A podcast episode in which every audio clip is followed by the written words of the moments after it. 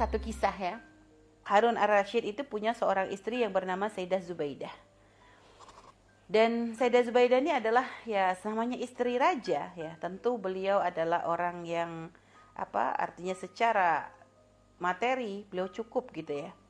Sehingga subhanallah satu hari beliau tuh mendengar kabar bahwasanya orang-orang di Arafah, orang-orang ketika melaksanakan ibadah di Arafah itu banyak yang kehausan karena air susah untuk didapat di sana. Karena di negeri Mekah itu bukan seperti kayak di kita ya. Di sana itu memang kadang air itu ya nggak gampang. Dan orang kadang perjalanan dari Arafah menuju ke kota Mekah itu ya lumayan jauh. Dulu nggak bisa jalan pakai bis, jalan kaki. Sehingga akhirnya melihat kondisi seperti itu, beliau pun akhirnya merasa ada ada semangat untuk memberikan solusi bagaimana caranya agar orang-orang yang beribadah di di Arafah itu tidak lagi kekurangan air. Akhirnya beliau mengumpulkan semua perhiasan beliau. Semua perhiasan miliknya, harta miliknya, semua yang dipunya. Akhirnya beliau tuh membuat proyek raksasa. Jadi beliau mengalirkan air dari Mekah ya menuju ke Arafah yang itu nanti bisa digunakan oleh orang-orang yang melaksanakan ibadah haji sehingga mereka nanti di Arafah tidak lagi kehausan. Dan itu zaman dulu ya proyeknya luar biasa. Dan bahkan kalau kita lihat ya, kalau para ibunda melihat di Arafah, mungkin yang sudah pernah ke sana, itu di tebingnya, di pegunungan yang di dataran tingginya itu, di bukit-bukitnya, itu ada kayak jalur kayak parit gitu modelnya tuh. Nah itu sebenarnya proyek yang dibuat oleh istrinya Harun Ar-Rashid waktu itu. Jadi sampai sekarang pun masih ada sisanya. Walaupun sudah ya banyak yang di sudah sudah banyak nggak ada, tapi yang masih di tebing-tebing di Arafah itu ke waktu itu kita pernah melihat tuh masih banyak, masih masih sangat-sangat terlihat. Akhirnya subhanallah, akhirnya karena usaha upaya beliau tuh menjadikan beliau itu akhirnya ya apa maksudnya diingat, dikenal oleh orang-orang, disanjung oleh orang-orang sebagai orang yang punya jasa yang sangat besar untuk membuat proyek raksasa seperti itu. Dan subhanallah ketika beliau wafat gitu ya, ada seorang syekh, seorang alim itu bermimpi. Seorang alim bermimpi melihat Sayyidah Zubaidah itu tadi dalam berada di tempat yang luar biasa indah. Akhirnya beliau si orang soleh tadi bertanya kepada Sayyidah Zubaidah, "Wahai ibunda, apakah ini balasan yang Allah berikan kepadamu karena kamu telah memberikan mengalirkan air untuk sampai ke Arafah?" Lalu beliau menjawab, "Oh, enggak. Bukan. Tapi Allah memuliakanku ternyata karena satu amalan yang aku tuh malah nggak menyangka. Amalan apa itu? Jadi pernah suatu hari aku itu baru berkunjungan gitu keluar kunjungan sampai akhirnya begitu sampai ke rumah tuh aku merasakan kehausan yang teramat sangat dan ternyata air bekalku tuh habis. Saat itu ketika aku sudah sampai ke rumah tentu yang aku ingin minum adalah air. Langsung pengen minum air.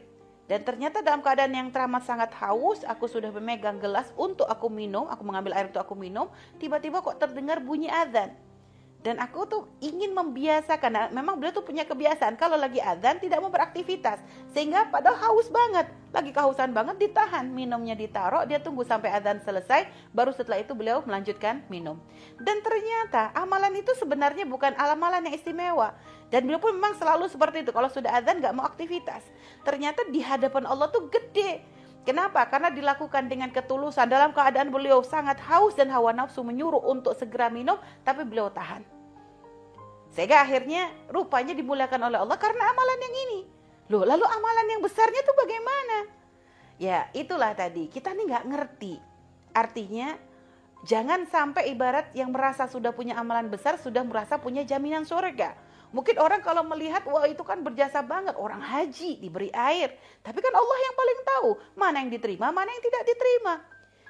Tapi pun bukan berarti Umi ngomong seperti ini. Oh kalau gitu mending kita amalan yang kecil-kecil aja. Oh, jangan dulu dong. Yang gede aja ada yang nggak diterima. Yang kecil apalagi kan begitu. Hanya maksudnya di sini apa? Kita itu ketika sudah melakukan kebaikan yang besar, jangan lalu merasa ah sudah nggak perlu untuk berbuat yang kecil. Jangan. Sudah ngerasa ngasih sodakoh gede, ngerasa ah nggak perlu ngasih yang kecil-kecil. Itu jangan. Jadi kebaikan apa pun, makanya kata Nabi jangan meremehkan kebaikan sekecil apa pun. Ya. Walau antal ke akhaka biwajhin talik kata Nabi. Walaupun kebaikan itu hanya sekedar masang wajah menyenangkan di hadapan orang lain. Ternyata itu adalah kebaikan kata Nabi. Sebegitu indahnya Nabi kita itu mengajarkan makna kebaikan.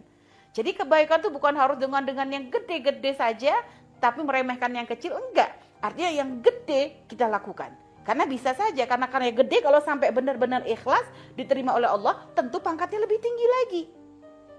Tapi pun setelah kita melakukan yang gede, jangan sampai kita meninggalkan yang kecil-kecil. Karena bisa tahu ya ternyata yang kecil ini yang diterima oleh Allah.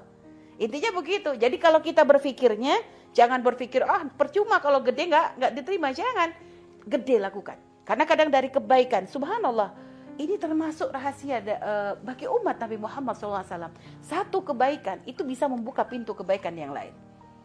Satu kebaikan itu membuka. Makanya kenapa? Kenapa kok Sayyidah Zubaidah kok amalan yang gedenya malah nggak diterima yang dilihat yang kecil? Ya karena sebenarnya buah beliau bisa melakukan yang kecil seperti ini pun tidak terlepas dari yang gede. Cuma mungkin yang gede karena biasanya yang namanya gede setannya juga gede. Sehingga amalannya itu gede memberikan minum orang-orang yang ber, yang sedang melakukan ibadah haji, tapi pun godaan setannya gede, apalagi disanjung oleh orang, dipuji oleh orang. Sehingga mungkin dari situ masalah keikhlasan, ya ini kan bisa ada gangguan. Ya namanya manusia, kadang mungkin ah senang, ada rasa bangga, apalagi kalau sampai dielu oleh orang, kita kan begitu.